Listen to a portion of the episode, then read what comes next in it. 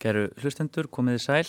Árið 1918 tóku Íslendingar við stjórnátumum landsins af dönum í öllum helstu megindráttum og stopnuðu fullvalda Íslenskt ríki.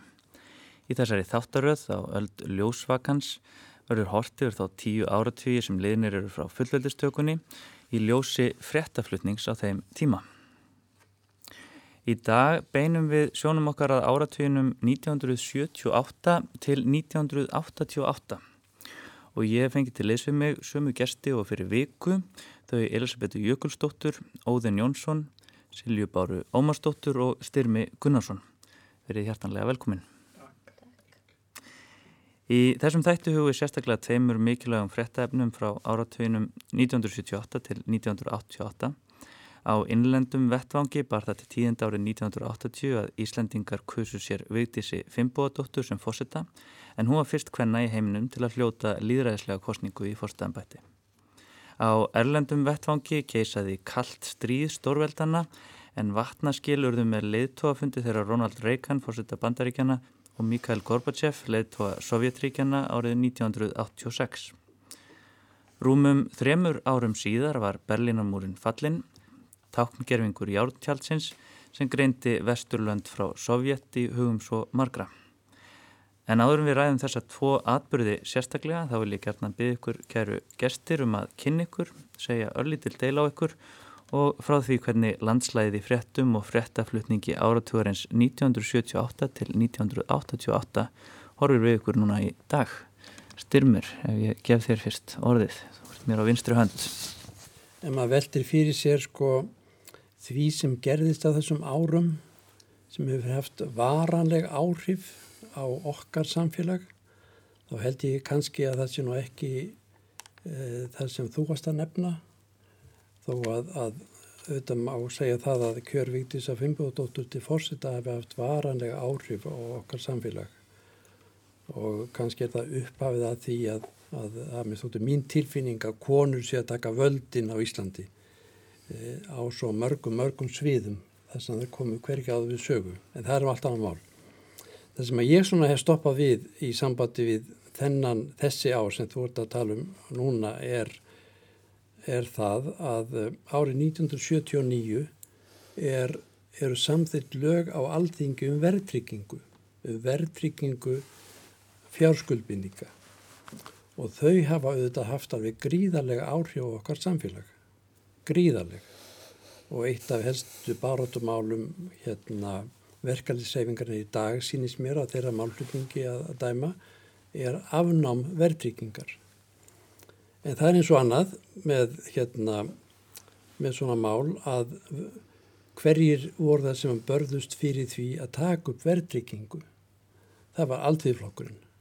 Það var aldviðflokkurinn sem að, að hérna, gekk harðast fram í því og uh, niðurstan var svo að, að þingið samþýttu lögumverðingu í forsættisráðara tíð Ólaf Sjónussonar 1979 og, uh, og uh, hún er haft alveg gríðarlega áhrif að sumröytið til góðs, að öðröytið til íls en er ennþá mjög umdild og ég held kannski að þegar við ræðum um þennan áratug að þá séu óhjákomilegt að að taka þetta svona með í reikningin sem eitt af því sem að skipti raunverulega mestu máli þegar við horfum tilbaka í okkar samfélagi. Hvað er verðtrygging? Verðtrygging þýðir það að ef þú tekur peningaláni þá átt að borga þá hérna í sömum verðmætum og þú fegst. Í raunverulega held ég að það megi segja. Já, já, ég held það, ég vil bara. Já, já. Akkurat. En, en ef ég, ef ég kem svo að kaldastíðinu sko þá hérna segi það fyrir mínar partaði trúið því nú enginn en mér fannst óbúslega gaman í kaldastíðinu óbúslega gaman. óbúslega gaman og ég svona eiginlega saknaði svolítið. Þú ert fulltrúið í kaldastíðins Akkurat, við hefum þetta eftir að koma kannski betur Já, ég er ekkit ósattu við það að vera talin fulltrúið kaldastíðins á fóðinu Það er hvað sem er annað stríð tekið við þannig að það tekur bara alltaf eitt stríð eða öðru, nú er eitthvað að stríkja hriðjúverkum og við hefum ekki einu sinni búin að skilgreina hriðjúverk En styrmið, þú varst starfandi á morgunblæðinu á þessum tíma sem fyrstur í Já, eins og, já. Akkurat.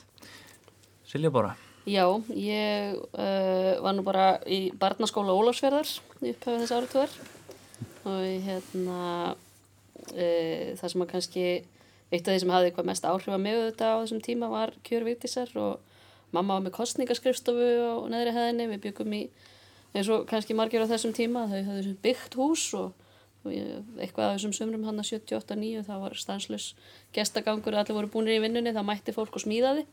Og hérna 79 var kallt sumar ólusöði Já, það var ansi kallt það var sumarið þar sem ég kefti á skíðamóti 17. júni og hérna þannig að það var nægur snjór í fjöldunum uh, og uh, já, ég sagt, uh, hérna, mann vel eftir þessu fylgist með þeim eitt fjölmiðlunum og þetta stutti vigdi sig eins og mamma og hérna og svona mann eftir þó ég hef nú ekki þekkt hugtökinn feminism eða kvennréttindi kannski á þessum tíma að hérna, þá mann ég eftir svona undarlegri, þú veist, hvernig var að tala við hana öðruvísi heldur en hinna og kannski hlutir auðvitað fréttir og, og, og sög, sögubækur sem hafa lesið síðan auðvitað spilar inn í en að þegar að hún var spurð uh, hvort hún ætlaði að þykja kjörið eða að taka kjörinu eitthvað svona, þú veist, það var e-, eitthvað svona í að að því að, að kannski mynd hún ekkit einu sinni verða fósitið þó hún myndi vinna og svona þú veist, sluti sem að maður bara skildi ekki alveg.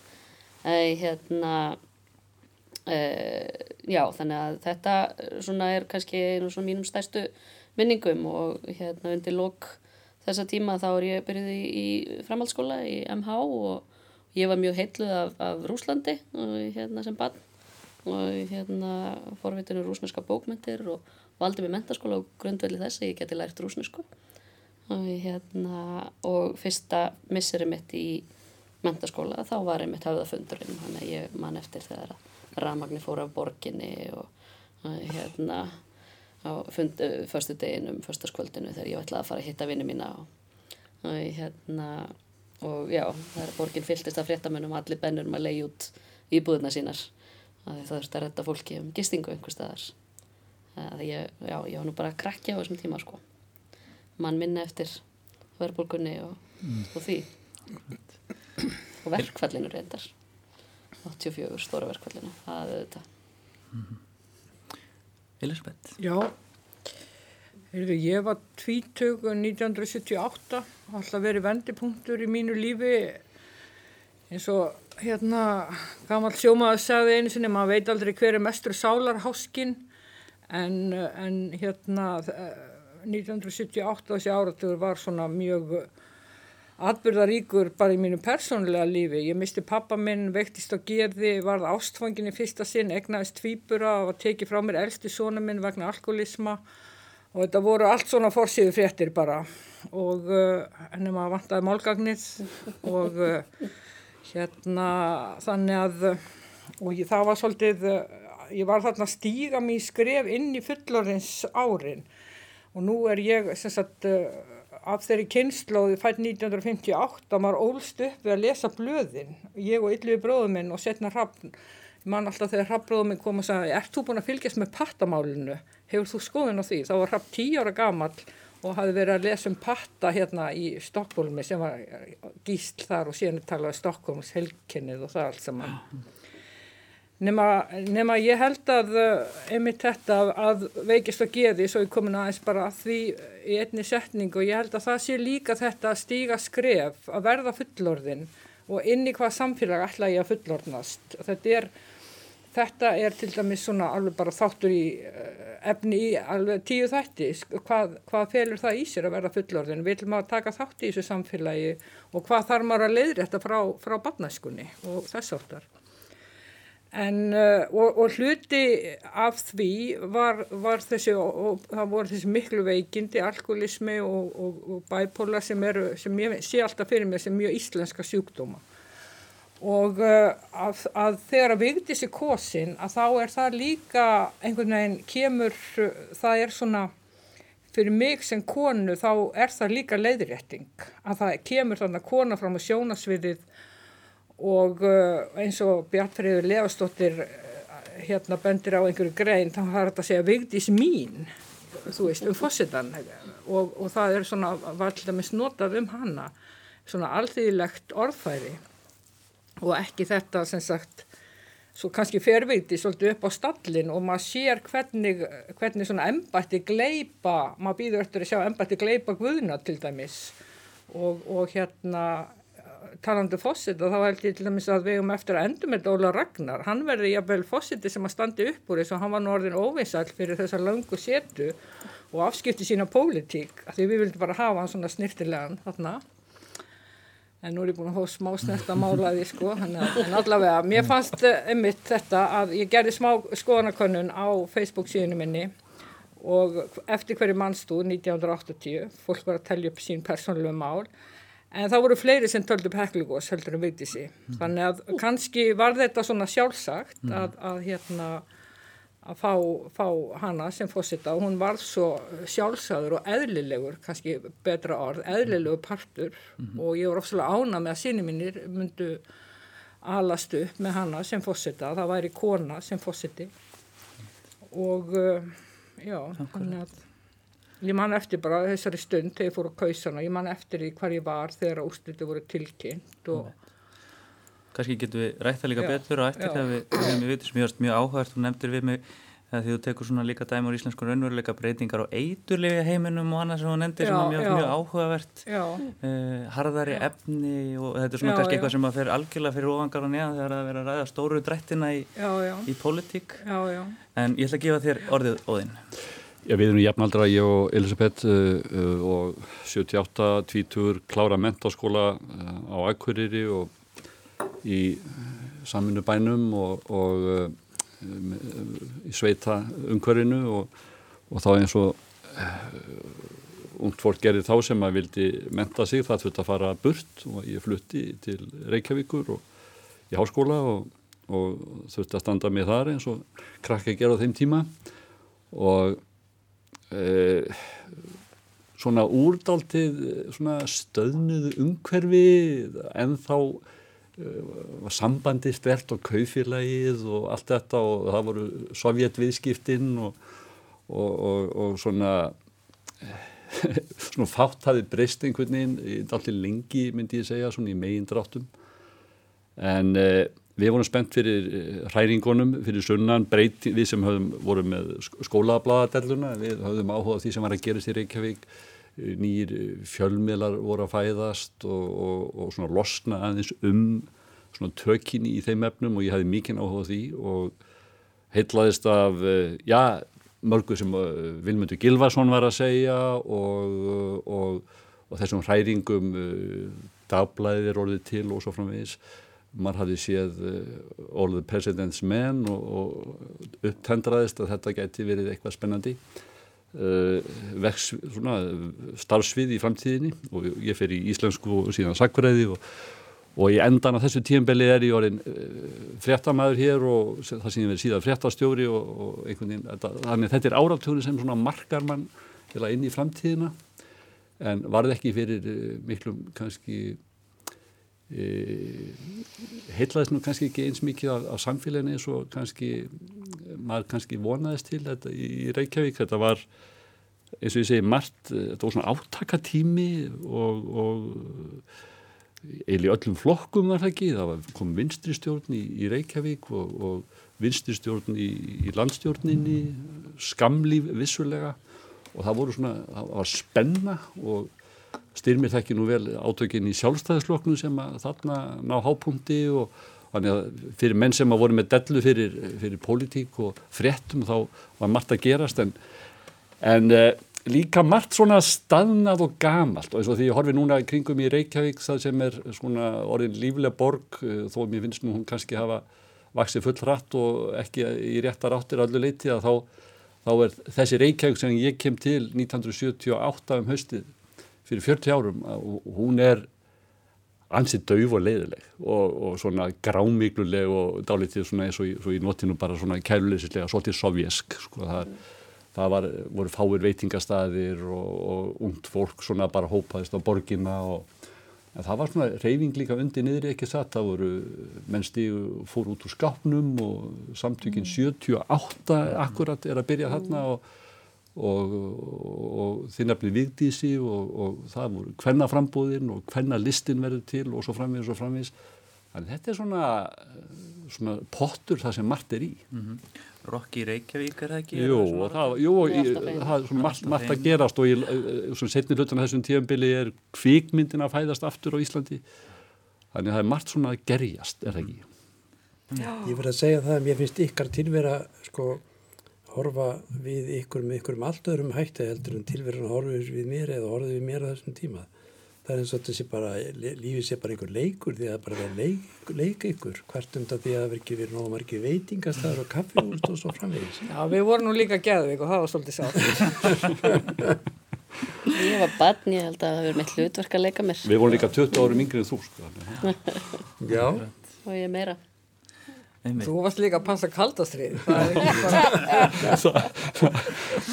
Það er svona sína á Einmitt. og við komum að kaldastriðinu hérna í síðarflutu þáttverðins og hérna það eru alltaf mörg að taka og nefnir, nefnir hérna uh, verbulgu og, og hérna og verðtryggingu áratöginum, það hefur verið hægt að drepa þar niður en, en, en ég ákvaða að við myndum tala um, um kjör Vigdísa Finnbúðadóttur í, í Embættforsti Íslands Hún er kosin árið 1980 og við skulum heyra aðeins svipmyndir af innlendum vettvangi frá því sama ári.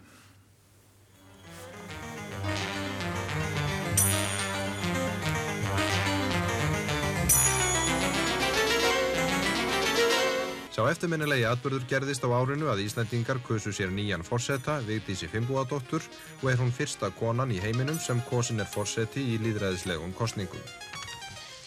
Kjör Vigdísar Feinbúadóttur vakti mjög mikla aðtikli Erlendis og þótti mikilvægur áfangi í jafnbreyttisbaróttunni. Eftir að úrslit voru kunn sagði hinn ný kjörni fórseti þetta. Það hefur verið bjargfæst trú mín núna lengi að ég gæti gert Íslandi gang með því að verða kjörinn. Vegna þess að það myndi vekja svo mikið aðtikli á landi og þjóð að kona yrði kjörinn fyrst allra hvenna í fórseta stól að ég tel að það getur orðið til mikið skaks. Sama kvöld og Vigdís sagði þetta sapnaðist saman mikill fjöldi manns fyrir utan heimili hennar og dótturinnar Ástriðar að Aragötu og þar var hinn nýkjörni fórseti Hildur. Við oskum Vigdísi Finnbóadóttur nýkjörnum fórseta Íslands til hamingu, hún lengi lifi Húrra! Húrra! Húrra! Húrra! Voruð þið þarna á Aragötunni, einhver? Nei. Ég var á Tungutu í Vólusverði. En ég man eftir, ég horfði á kostningauguna og beð eftir, beð spennt eftir tölum, ég man eftir þessari nótt, sko. Það var pólitísk árið mitt, sko, ég fylgdi síðan með Reykján Sera Carter setnum árið þó hún hafi unnið nauman sigur þarna með lítimlut atkvæða þá held ég að hún hefði nú aukið 2000 atkvæði? Já, akkurat, ég held að hún hafi hins vegar aukið fylgið sitt mjög bara strax þennan fyrsta dag þá svona opnaðist nú margra bara já, þetta er bara gott skref og svo framvegis mm -hmm. og þetta var auðvitað mikið beintum og ég man eftir bara persónum tóka, ég var í, var í meðal sagfræðinga sem að sagfræði nema sem að hún bauð inn á bestastæði og það ég mann kannski best eftir var það hvað með drukkun ótæpilega bjórnum sem hún veitti. Sem þá var nú bara bannvara í landinu en, en hún var skemmtileg og maður hafði ekki þessa ímynd af, af þjóðhauðingja og hún er alltaf ung þarna og, og, og, hérna, og frjálsleg og talaði við okkur svona sem jafningja og við fjallum náttúrulega öll fyrir henni. Killiflut Þetta er náttúrulega, já Nei, eins og ég var að segja áðan, sko, þetta er svona leiðrétting að það, þetta gata ekki gengið lengur að, að hér væru eintómir uh, Karl Fórsetar uh, öld eftir öld eftir öld, það einhvern veginn passaði ekki. Þetta, þetta var alveg eins og setna á þessum áratug þá hinu Bellinamúrin og það er ekki, það er ekkert skipulat og bara eins og segir í einni frétt, honum var bara skindilega ofaukið og uh, það er svolítið aðtilsvert og það er bara eins og, eins og með Vigdísi að hún kemur svona out of the blue eins og allt í einu bara vandi hana. En hún segir sjálf að, að, að þetta er ekki sko hlutinir, það er alltaf einhver undanfari og það er til dæmis kvennafrítári 1975 og, uh, og talandum lög eins og þú ert að tala um styrmir og þá eru jafnbreytislög, þau eru samþygt 74, 76, 75, 76. 76, já, eru þau samþygt og hvernafrít árið 75 þannig að þetta er undanfari sem sagt þess að hún er kosin. Og svo er mjög aðteglisvært, svo er eins og við ætlum bara að hafa þess að einu konu, þá getum við alltaf bent á hann og sagt já við kusum þarna konu og við vorum með þessi að fyrst. Og ég man þegar ég var í fósitaframbúði hérna fyrir, uh, hitti fyrra að þá var ég mynd svolítið að skoða hvernig er þessi þjóð og hún hefur til að bera svona ákveðin glannaskap eða djörfung eða hvað að kalla þetta. Hún sapna fyrir gerðfuglu og fær hann heim. Hún fær út landhelgina bara svona einni nóttur, Lúðvík Jósefsson það til sögur um það að hann hafi bara farið upp í vikingsprent og prentað út frumvarpið, landhelgis frumvarpið í trási við ríkistjórnina sem að hann bara fekk svo til þess að þú veist, meginn bara svona að gera þetta upp á sitt einstæmi sko En, en hérna þetta virðist þessi þjóð eða hvort á að kalla það þjóð eða fólk eða við sem búum hérna að, að við höfum þetta í okkur að brjótast út úr einhverjum fjötrum með, með látum og með svona svolítið svona elegans og, og, og já, sem er bara svolítið flottur glannaskapur og mm -hmm á, sama, á sama tíma vigtist einmitt þetta saminningaták maður að spekla sko hvað það er hvað er, um hvað er að saminast hvað, krónuna, njálu eh, alþingi sko, hvað er að saminast um? En hún kemur einnig með skilgreiningu þarna á saminningu og það er bara það sem er gott fyrir okkur. Og minnst það eitthvað sem ég hef langt sem ég hef heyrt, eitthvað sem er gott fyrir okkur ætti að samina okkur og við ættum að hafa orð á því og og hlaða svolítið undir það. Sko ég hérna get vel ímynda mér að kjörvíktis að sé raunverulega svona í beinum framhaldaf eða bein afliðing af eða bein árangur af hvenna frídeginum fimm árum áður og ég held að það sé enginn vaf á því að kjör hennar að það hefur orðið til þess að skapa þennan jarðveg fyrir mikillir framtrótt hvenna á mörgum vikstöðum og eins og sagði að mér finnst raunverulega, ég er ekki að gera þetta, segja þetta kannum mínu, mér finnst raunverulega að konur sé að taka yfir. Og ég sé ekki datögvert í það. Og, Þá getur þið verið í sófanum. Og hérna, og ég er stoltið veltið fyrir mig sko, ég hef alltaf stoltið erfitt með að, að lífa mig, lífa mig svona stert inn í þessa jafnrétti sparratu og ég stundu veltið fyrir mér af hverju og ég held að skýringi sé svo sko að ég ólst mikið upp hjá hérna ömmu minni sem misti mannin sín 1917 og kom upp fjórum börnum og byggði hús við Reynimel sem ég voru sex íbúður hérna 1942 ég skil ekki enn þann dag í dag hvernig hún gæti þetta og, og hérna og mér hefur einhvern veginn sko og svo giftist ég og egnaðist færi dætur og tengdamóð mín var svona mikið hörku tól og mér hefur alltaf fundið þetta svo sjálfsagt að konur standi jafnfættis köllum og ég bara, ég á tvær dætur mér er aldrei fundið sko neitt annar kondi greina heldur en það er aftur að hafa alveg sömum tækiföru og, og, og strákar. Og, og þannig að ég einhvern veginn, mér hefur þótt þetta bara verið svo sjálfsagðar hlutur að það ætti ekki að þurfa einhverja deilur um það Mér, og kannski er skýring það sem þú ert að koma inn á núna já. að ég átti móður sem að emitt byggði hús og skilaði skuldlösu búi já. hún deyr og hún elur okkur upp sem einstamóðir þegar hún veikist já. við bara áttum okkur ekkert á því okkur fannst svo sjálfsagt að mamma okkar væri bara þú veist og, og núna hef ég verið veik undanfærið halvt ár og, og hérna geti kliftið út en, en hérna en þú veist strákarnir mínir þeir áttast ekkert á því að ég sé veik að því ég er alltaf við konur erum bara í hitju hlutverkinu. Það bara býður eftir okkur og við förum í það. Og, og þið, kallmennin þið bara fattið ekki bara að það einn daginn er, er bara kemur að skuldadögum, einn daginn þá verður við bara veikar og, og einn daginn að þá þurfum við einmitt á, á því að halda að hlutinni séu leiðréttir og, og við fáum hérna fullt verð og verðtryggingu fyrir þess að sex íbúður á reynumhelunum. En ég er þetta sjálfur rétt hjá þau sko að, að hérna að við kallar við einhvern veginn sjáum þetta með öðrum augum heldur en þið konur. Eitt góðu vinnu minn saði einu sinni við mig óskaplátt og gott að eiga tvær dætur, hvað, hvað meina hann segi ég það muni hugsa svo vel um þig þegar þú eru gamal, sagði hann og hvað er, er munur á því hvort það eru strákar eða stelpur sem er á í sambandið það segju já, saði hann stelpur hugsa betur um, um feður sína heldur en strákar um feður sína. En, en hérna... En þetta eru þetta, fyrir Já, alltaf. þetta eru þetta þessar kynjuðu væntingar sem við höfum Já. til samfélagsins og það eru þetta gott að það séu til einstaklingar sem ekki, já, allavega virkt eh, hérna gera þær.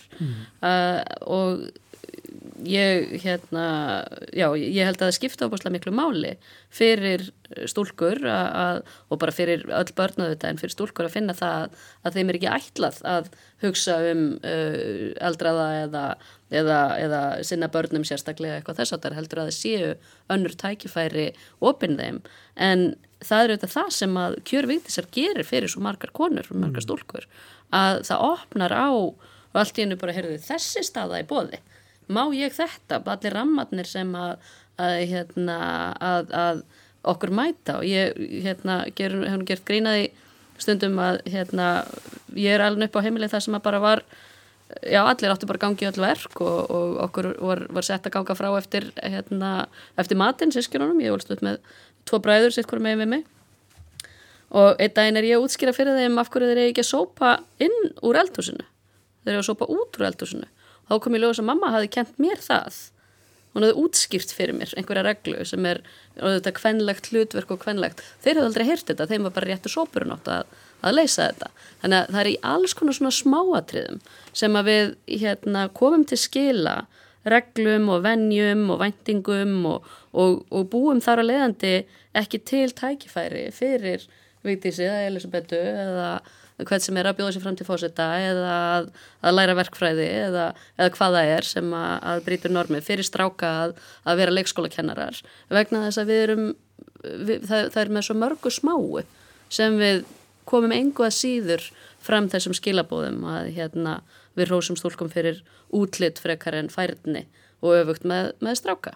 Að, hérna, þannig að, að fyrir mig þá þá er þetta og auðvitað líka að ég hérna, er kvenkins og skilgrinni mig auðvitað og það eru þessar fyrirmyndir sem að skipta máli. Að þá, þá e, bara er það það er svo mikil kjarni af mér að, að hugsa um jafnbreytti að mér er stálega sérstakt að heyra að það sé einhver sem ekki tengir við það Já, já. já ég held að sé rétt að auðvitað þess að þið segir að vikti sér auðvitað svona einhver svona liður í breytingum á samfélaginu, samþygtum og, og, og, og hræringum, hvenna reymingin var að vaksa og styrkjast og fá meira sjálfströst og svo framvegis en hún er líka fulltrúið svona menningarlífs já, já. og þetta er ansvar við sko svona kallægu embættismanna umhverfi og svona pólitísku umhverfi sem menn voru þreyttir á kannski þó að menn er ekki þreyttir á Kristjáni Eldjárn heldur kannski vildi ekki fara í, í hína kostina aftur en, en það er samt ótrúlega margt sem að eins og ég held Elisabeth kom inn á sko að kannski fannst mörgum já það, þetta er gott, nú er komið koni í þetta og þá, þá getum við bara haldið áfram eins og venjulega strákar mm. það setja allt mikið til í því sko vegna þess að það er svo ótrúlega margt sem að breytist ekkert í ótrúlega langan tíma það líða 15 ár þangar til að að menn látt sér sko voga sér að nefna sko kynferðisafbrót uh, embætismanns mm -hmm. Og, og, og, og alls umræða sem orðið setna og svona rýfur þessa þöggun alla. Það er ekki að tala um heimilisofbeldi og svo margt sem að liggur algjörlega í láginni mörg, mörg ára, ára tíu eftir þetta kjör. Mm -hmm. en þá er mikið talað um skórekt. Já. Það er bara partur á okkar hérna. samfélagi að þeia um ofúslega margt. Og ég man að Brynja Benediktsdóttir, vinkona mín saði einhvern tíma við mig að við varum ég og hún varum hérna af bældu kynsluðinni og ég held að sé mjög mikið til í því að okkar kynslu okkar Brynju sko var bara aðin upp við það að tala ekki um neinn svona viðkvæm mál Nei. en talandu viðkvæm mál þá ætlum ég bara að skjóta hérna inn í sambandi við fórsetempati, ég tel að ég leggja það niður Ég tel að við þurfum ekki að fórsetta að halda. Þetta er bara framhald af, af, hérna, af, af danska góngdæminu af hérna, fórsetta og það er, það er engin ástæð til þess fyrir samfélagins okkar að hafa eitthvað sem heitir fórsetta og eitthvað sem heitir þjóðöðingi. Fórseti alltingis getur séðan það sem að, að fórseti Íslands gerir núna. Ekki getur steingrimur, þetta alveg hann? Ha, Hvað segirðu? það verður nú rosalegt Ég steingrimur væri Ég orðin er, ég er að tala um þetta í fúlustu alvöru já, ég veit að ég er líka að fúlustu stríða þér í fúlistu alvöru. Fúlustu alvöru að þá að leggja þetta embati niður. Það er það sem við konur gerum, við stríðum að því við erum á jæðrinum og talandi um þetta að Guðni Elísson hérna mentamaður einmitt og, og ég veit ekki hvað hann er kennari við Háskóla. Íslands Nei, Nei, Guð, Guðni Elísson. Elísson já, já. hann skrifaði mjög aðteglisvara grein einmitt um konur og þeirra talfæri og hugsunarhátt og segi konur eru á jáðurinnum sem í þjóðfélaginu og það er mega nota kaltæðni fólk sem er á jáður í þjóðfélagsins má nota kaltæðni og það er einmitt mjög aðteglisvert það gerir Vigdís Fimbódóttir í upphafi. Alveg bara eins og besti tógra jaksl þá kemur hún með slík tilsvör af kaltæðni og skýtur einhvern veginn beint í mark þannig að bara salurinn stein liggur þegar hún, eh, þessi fræga saga þegar hún er hérna í Keflavík. spurð hvort hún ætla að hafa þjóðun á brjósti og hún sé svo bara með eitt brjóst og eitthvað.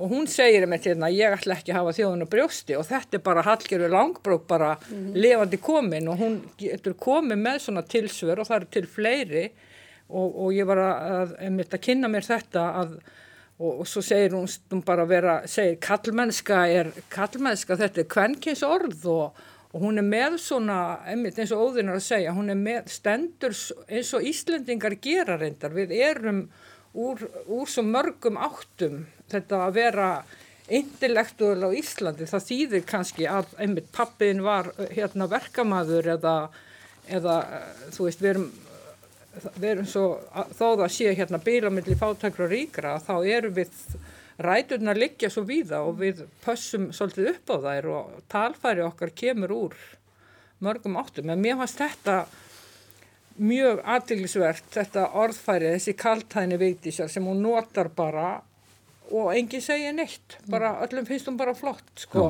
og, og hún er flott, þarna.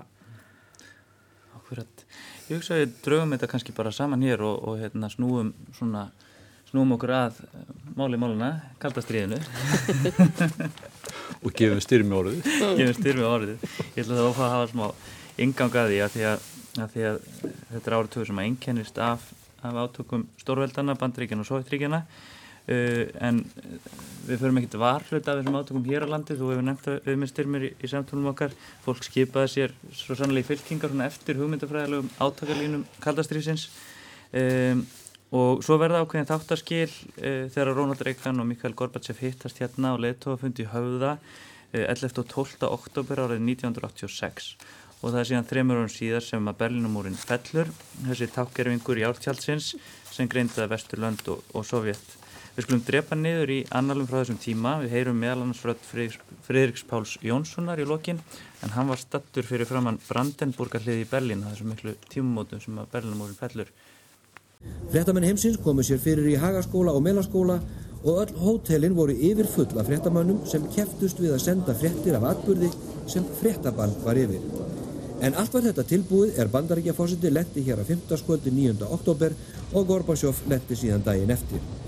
Á lögatarsmorni hófust marathónfundi leiðtóhana í höfða en samtals rættust þeir við á þessum tveimur dögum í nær hálfan sólarhing meðan augu heimsins mændu á hurðarhún á gömlu timburhúsi sem grunulega á að reymleikar væru í.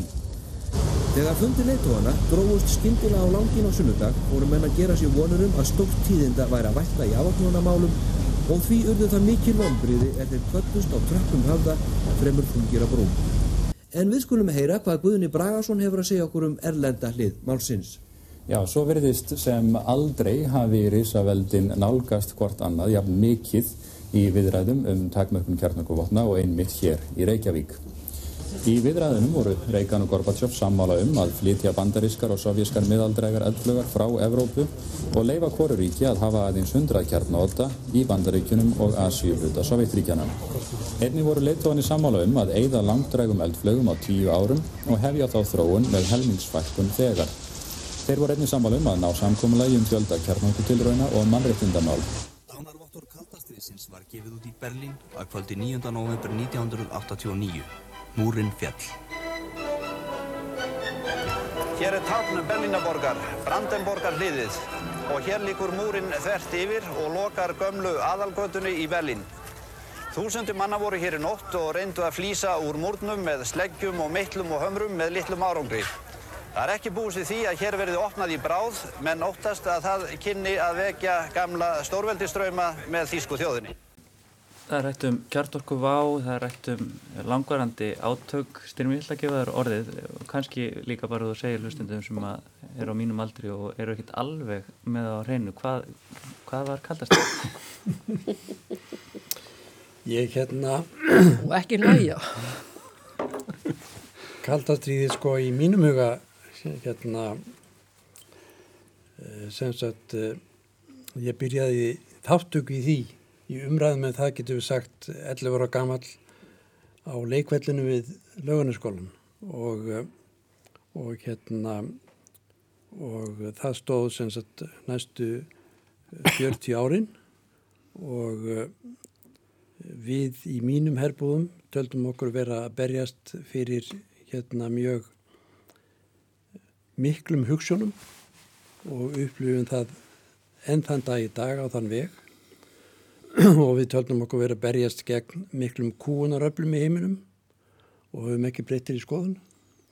En ég var í skemmtilegu amalundaginn hjá gamlu skólabróðum mínum úr þessum skóla, lögunaskólanum, sem var áttræðunum daginn og heiti Ragnar Stefánsson, var fórseti æskulisfylkingarinnar sem var ungliðarheiming kommunista á Íslandi á þeim tíma og uh, þar var flutt skemmtileg ræða sem ég hefði mjög gaman af að hlusta á sem var kona sem heiti Birna Þorðardóttir sem var mjög þekkt á dögum kaldastrýsins og uh, hún flutti ræðu og talaði um NATO-fasistana og ég upplýði sjálf á mig þarna staðnum sem einn af, einn af hérna, NATO-fasistunum og uh, en, en svona e, þetta var annars vegar fannst mér bara átt að vera stórkóðslegum hugsunum og gegn óbásleiri kúun Sovjetríkjana og, og þeirra afla en hins vegar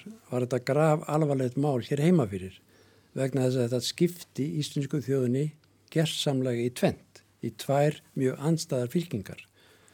Það var ágreiningur um öll þessi stóra atrið eins og aðeitt Íslands að allarsasbandalænu, veru bandarska varnaliðsins, eh, svona Ég get sagt að baráttu þrek okkar, minn megin, fór mjög mikið í það að halda varnaliðinu hér allan að tíma og það tókst en það gerist ekki átakalust.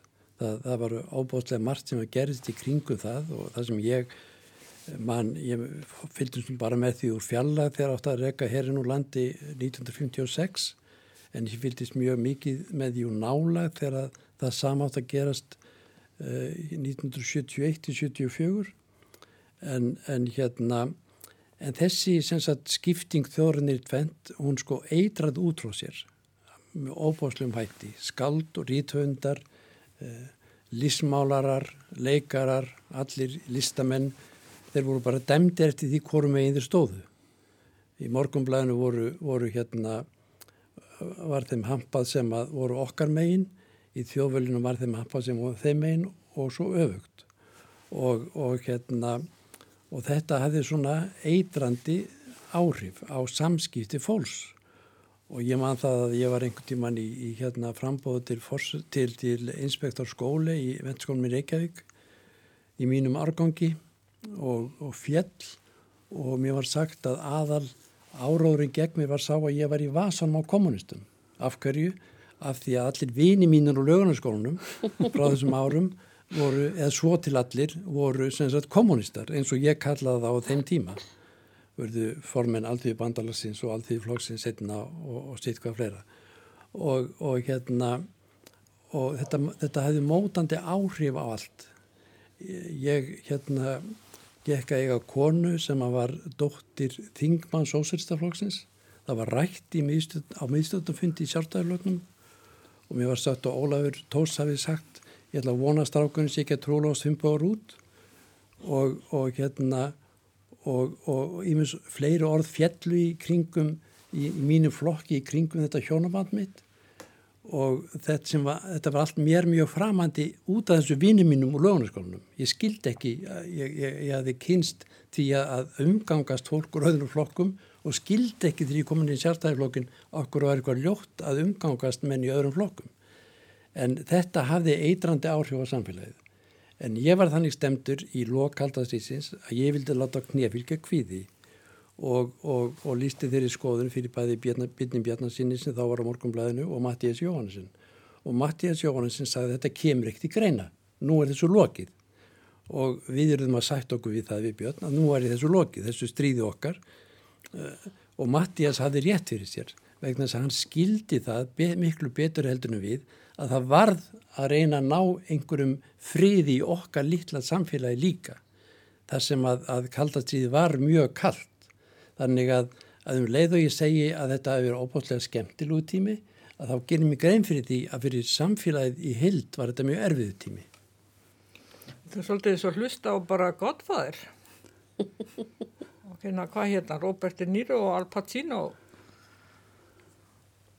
En það, ég sá um eitt svona undirheima mynd um daginn og ég hugsa að það er engin munur á stjórnmálaheiminum og undirheima heiminum. Mm -hmm að þið kallanir, þið bara búið til þess að heima til þess að, og eru svo bara hérna einhver staðar svona með skilina hérna á undirheimum og svo hérna skilina hérna ofan á og þessir heimar við snar tengdir og, og svo eru við hérna einhver staðar þannig undir og svo brjótustu öðru hverju út úr þessu stáleggi sem að og einn daginn mun þetta breytast varanlega og, og ég held einmitt sko, ég hef speklar heilmikið í svona einmitt þetta þegar þetta að vera valdamaður og hafa völd að, að nú er ég, hérna, er ég óvirkur alkoholistu og ég held að besta stjórnafyrirkomulag sem að ég hef held að, að sé til núna á vegum aðgangað sé einmitt hérna, hvernig er stjórnað í A-samtökunum. Það er að segja að það er engin stjórn en þau fungera og þau lækna fullt af fólki af þessum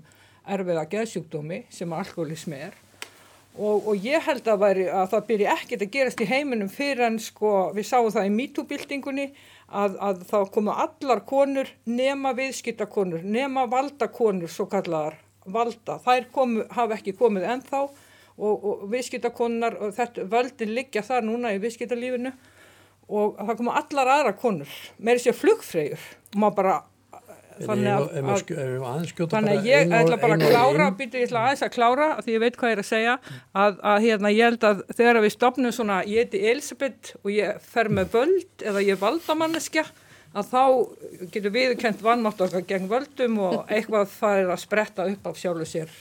Það sem ég ætlaði að skjóta inn var það að við erum algjörlega sammála, ég og þú Já, það er það sem við segjum alltaf. Þú lýsir, þú lýsir sko hérna stjórnkerfinu í samtökunum Eh, það er mjög áþekkt þeim hugmyndum sem ég hef í dag og það er mér nýðustað eftir að fylgjast með þessi svona rúmlega 70 ár.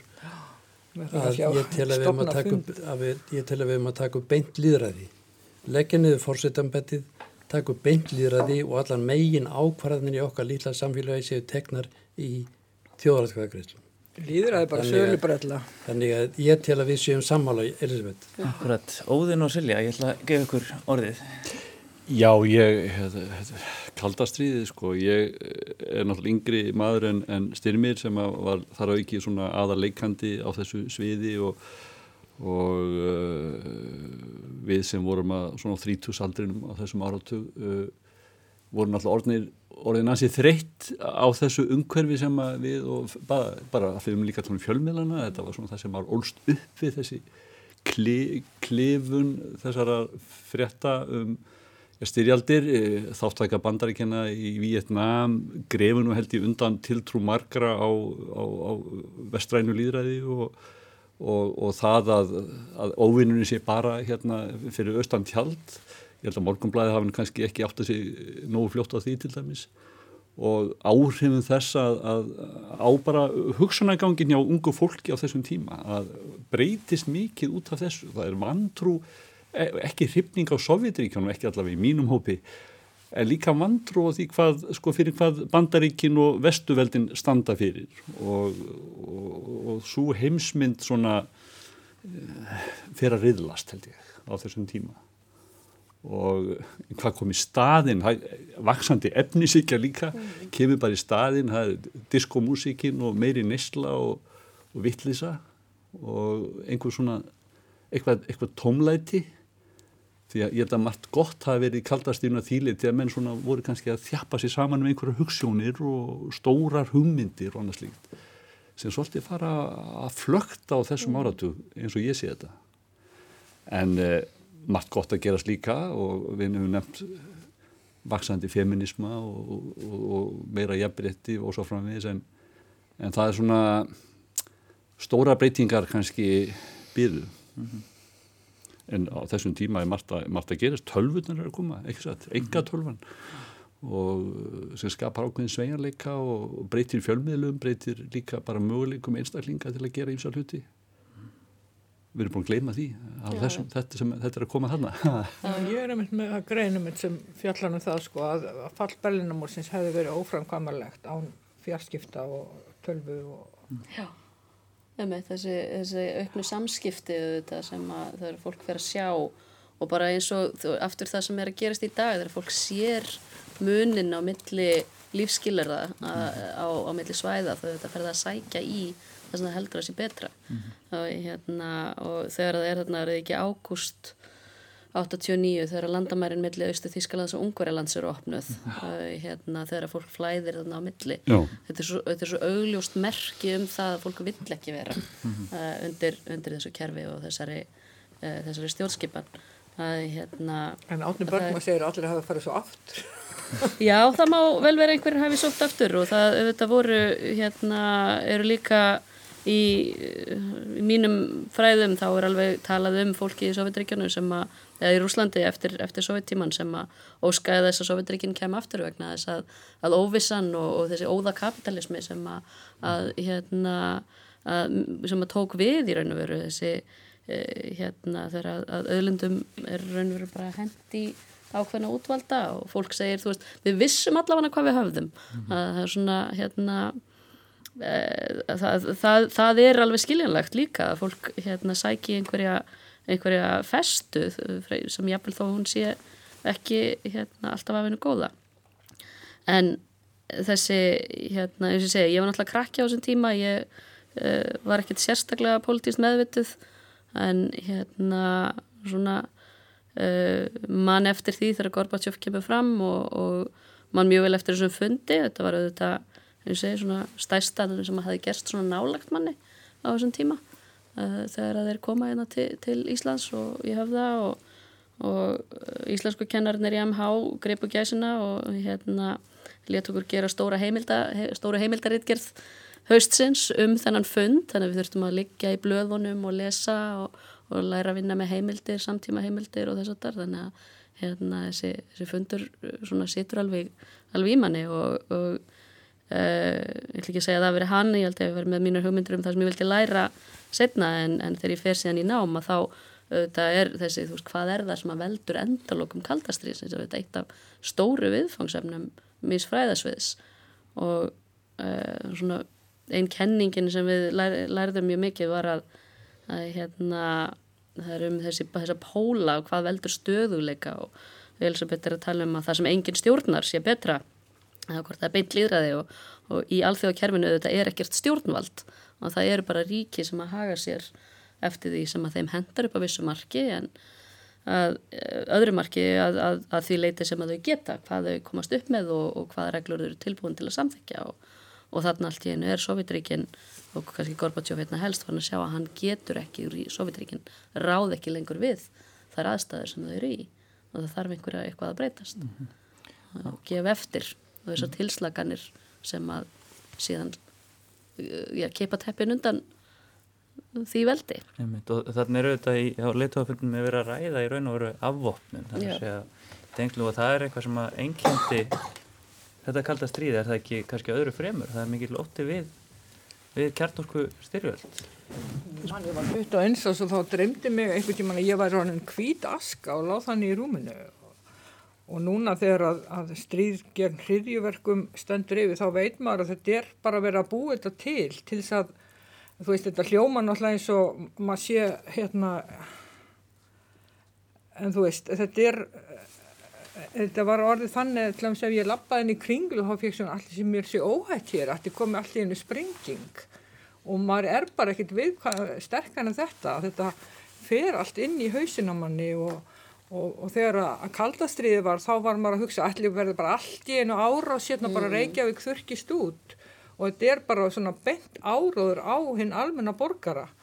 Og eins og núna að get ég lappað inn í kringlu og, og mér er bara ekkit vel við að fara þú veist að því þá kemur bara svona einhver, maður þarf svona að byrja á því að hrista þetta af sér. Að sé allir lægi að vera á menninganótt með 100.000 manns og En á sama tíma og, og, og, og hérna Morgunblæðið og fleiri börðus gegn, gegn hérna, gegn hérna Sovjetinu og því þá var þetta litla ríki samt í miklum viðskiptum við Sovjetríkin og, og, og svona í, í kringum þetta þreifst nú svona, svona dáli til spilling bæði á keflaugur hlugul í kringum hann og sem sjálfstæðisflokkurinn kannski létt uh, kyrt liggja gerinu ráð fyrir lengst af og eins náttúrulega í svona sovjetviðskiptum sem framsvonarflokkurinn kannski hagnaðist líka á.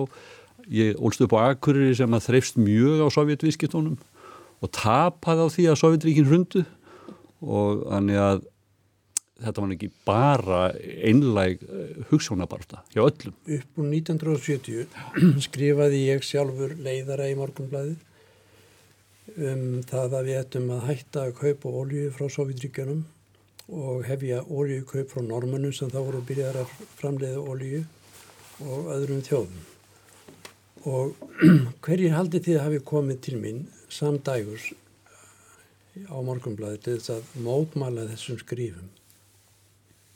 Já, það komur til greina það voru, voru óljukongarnir á Íslandi það voru forstur á óljufélagann á Íslandi sem að litu, sem að litu á þetta sem mjög hérna, hættulegar hérna, tillugur að það ætti að fara að kaupa ólju frá öðrum heldur um Sovjetríkjum og hverju komið kjölfarið? Það voru forstjórar hérna útlutning samtakana sem að sá um útlutninga á sjávarútvegi sem sögðu að við varum að eidilegja viðskýtti Íslands við Sovjetríkin og svo framvegis og svo framvegis Akkurat. En aðalmálið er, hvar var Angela Merkel þegar múrin fjall, veit ég það? Hún var nefnilega í sinni vikulegu gufubáðsferð yfir, yfir, hún vann í Þískalandi en fór vikulega hérna í, í gufubáðsferð með vinkonu sinni og, og hérna svo fjall múrin meðan hún var í gufubáði og hún gaf sér svona smá stund til þess að fagna af því að hún var, vildi, þurfti að vakna fljóta inn eftir og snemma mm. og þannig að hún var ekkert mjög lengi að dansa múrnum en... Akkurat. Þetta verða lokaórðin í, í þessum þætti. Uh, ég þakka ykkur kærlega fyrir að koma og ræða kjörvítisar, kaldastriðið og þennan áratug 78 til 88 styrmir, Silja Bára, Elisabeth og Óðinn. Þakka ykkur kærlega fyrir komina. Þakka hlustununa. Verðið sæl.